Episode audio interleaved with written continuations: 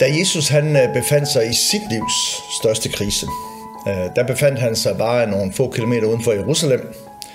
Øh, han vidste, at han dagen efter skulle ind til Jerusalem, og han vidste også, at det betød, at han ville blive pågrebet, og at de ville slå ham ihjel.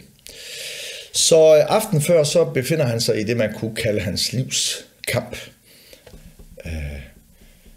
Og det handlede om et eller andet sted, skal jeg, skal jeg ikke. Det handlede et eller andet sted om, at selvom Jesus igennem hele sit liv måske har været det mest forudbestemte menneske, eller det menneske, som har været allerskarpest på sin bestemmelse nogensinde.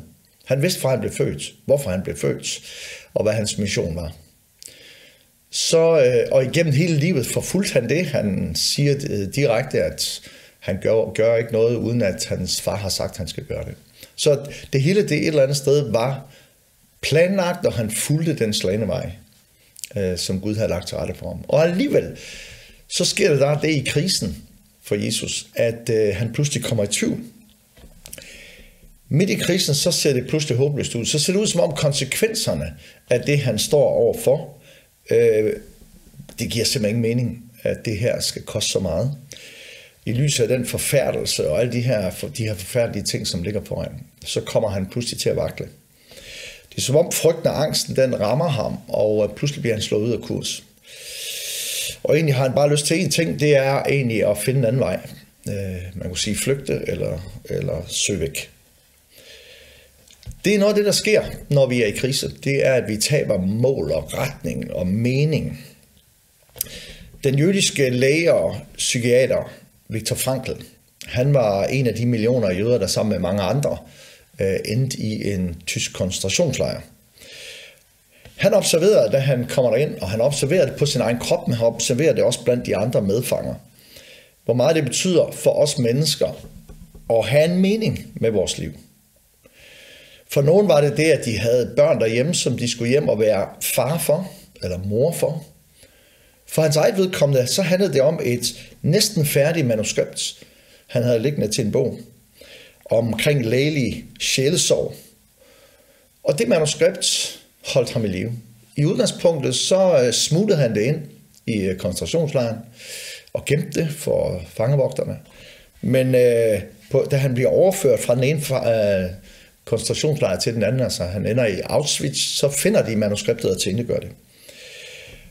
Og tanken om at gendanne det her manuskript og udgive det, var faktisk noget, der var med til at holde ham i live. Han øh, lykkedes faktisk at, at genskabe det meste af det på små papirlapper, og efter hans befrielse i 1945, så får han faktisk gjort det færdigt og udgivet det. Men det han jagter i det, det er altså, at når man har en mening eller et mål, et formål, om man vil, så gør det noget ved os mennesker. Og øh, han udvikler en terapi, der hedder logoterapi, og som i dag er meget højt anerkendt inden for psykologien, som har som omdrejningspunkt det med mening. Det, som kriser gør, det er, at det fører til tab af mening. Og ud af det her tab af mening, så kommer der mange ting. Der kan komme en håbløshed, som kan føre til enten ligegyldighed eller desperation, depression eller hvad der ellers kan følge.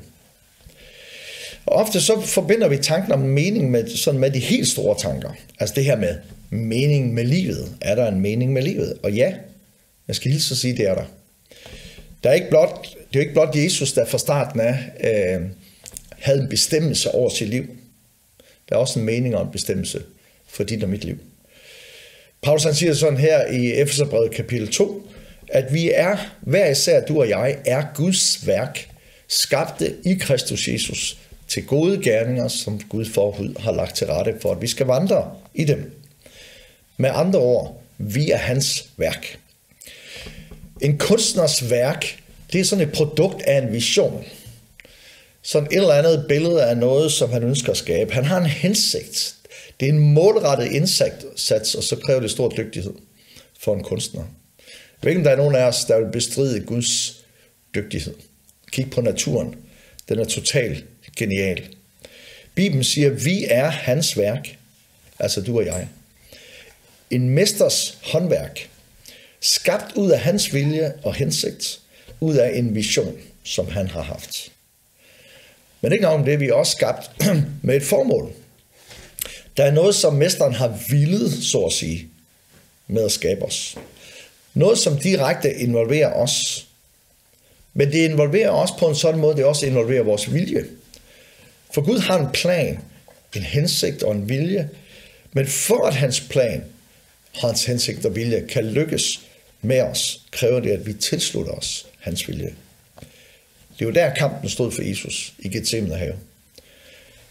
Kunne Jesus få sin vilje på linje med faderen, så at sige? Hvis ikke, så ville det hele have været gået tabt. Jesus kunne have levet nok så formålsbestemt.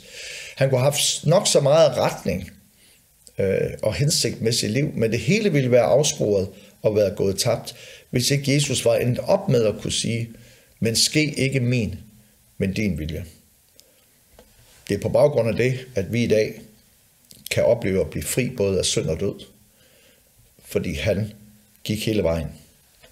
Han var villig til at lade Guds vilje ske. Nå, tilbage til Viktor Frankl. Hans påstand om, at det er muligt at finde mening, hans påstand er, at det er muligt at finde mening i alting. Altså, at der et eller andet sted bag ved alt er en mening. Og som kristen er det ikke svært at forholde sig til. Tanken om, at der er intet, som er ude af kontrol, at der bag ved alt gemmer sig en eller anden form for mening. Det betyder ikke, at det er Gud, der har villet alt det, der sker. Men bag ved det alt sammen er der noget, som man kunne identificere som en mening, eller noget, som på mange måder er godt. Bibelen siger jo, at Gud han lader alle ting virke til det gode for dem, der elsker ham. Det er bare os, der ikke lige i øjeblikket kan gennemskue, hvad det er, som er så godt midt i det, vi ofte står i. Men en ting er jo de store livsspørgsmål om mening. En anden, det er den her dagligdags. Det her med at finde mening midt i det trivielle, det her tilsyneladende tilfældige eller meningsløse. Og tro mig, der er en mening. Du skal godt kigge ordentligt efter. Der er midt i hele krisen og kaoset, usikkerheden og bekymringen, så er der så nogle gyldne øjeblikke. Der er nogle muligheder, som du ikke havde før. Måske øh, muligheder, som er once in a lifetime. Aldrig kommer igen. Du får ikke den chance igen. Pas på med at overse den. Lev i nuet og vær opmærksom. Bed ligesom Jesus. Ske ikke min vilje, men din vilje. Bed om det hver eneste dag. Gud, vis mig meningen med den her dag. Hvor kan jeg være til velsignelse? Hvad er det lige nu, du ønsker, jeg skal gøre? Hvem er det, du ønsker, jeg skal være til velsignelse for? Hvem skal jeg give den velsignelse, jeg selv modtager videre til? Og kriser er som skabt til netop det her. At få os til at stands op og, og finde mening, både i det store og i det helt nære. Når alt kommer til alt, kan din oplevelse af at finde mening forandre dit liv for altid. Den her krise kan forandre dit liv for altid. Det er en tid til forandring. Det er en tid til at tænke efter. Det er en tid til at prioritere. Måske også at få et helt nyt perspektiv. Lad være med at gå glip af det. Grib det øjeblik. Bed Gud om at vise dig, hvad hans hensigt er med netop den situation, du er i lige nu. Og hvordan at der kommer håb ind i det, der kommer retning, der kommer tro, og der kommer mening. Han har jo lovet, han er med os alle dage indtil verdens ende. Så må Gud velsigne dig, også i den her dag og i de her dage, til at komme ind i hans fuldkommende vilje. Jeg vil gerne have lov at bede for dig. Kære far i himmel, jeg takker dig, fordi du har skabt os unikke, fantastiske, individuelle. Takker dig, far, for det, som du har bestemt for os. Tak her, fordi at det ikke er tilfældigt, vi lever. Tak fordi det ikke er tilfældigt, vi er her. Tak fordi at bag det alt sammen her, så arbejder du med os. Og alle de ting, som sker i den her verden, Herre, det er ikke ud af din kontrol. Du kan lade alle ting samvirke til det gode for dem, der elsker dig. Jeg beder for hver enkelt, som lytter her, at vi må begynde at se meningen i selv de helt små ting. De små glæder, de små øjeblikke, som stråler.